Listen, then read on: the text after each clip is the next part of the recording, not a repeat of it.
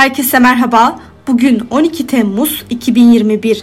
Hazırsanız Türkiye ve dünya tarihinde bugün de neler yaşandı? Gelin hep birlikte göz atalım. Dünya tarihinde bugün yaşananlar 1806 16 Alman Prenslik Devleti Kutsal Roma Cermen İmparatorluğundan ayrılarak Ren Konfederasyonu'nu kurdu. Konfederasyon, Ren Birliği'nin yeniden canlandırılmış versiyonuydu.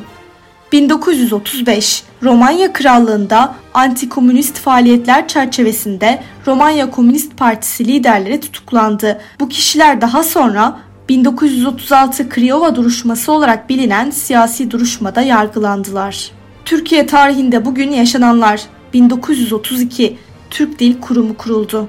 1947 Amerika Birleşik Devletleri ve Türkiye arasında askeri ve ekonomik yardımı öngören ikili antlaşma imzalandı. 2016 Hürkuş Avrupa'dan sertifika alan ilk Türk uçağı oldu. Bugün doğanlar 1891 Türk şair, gazeteci, oyun yazarı ve öğretmen Halit Fahri Ozansoy dünyaya geldi. 1960 Türk şair ve yazar Ahmet Ümit dünyaya geldi. Bugün ölenler 1804 ABD'nin ilk partisi olan Federalist Partisi'nin kurucusu ve teorisyen Alexander Hamilton hayatını kaybetti. 2002 Türk şair Ece Ayhan vefat etti.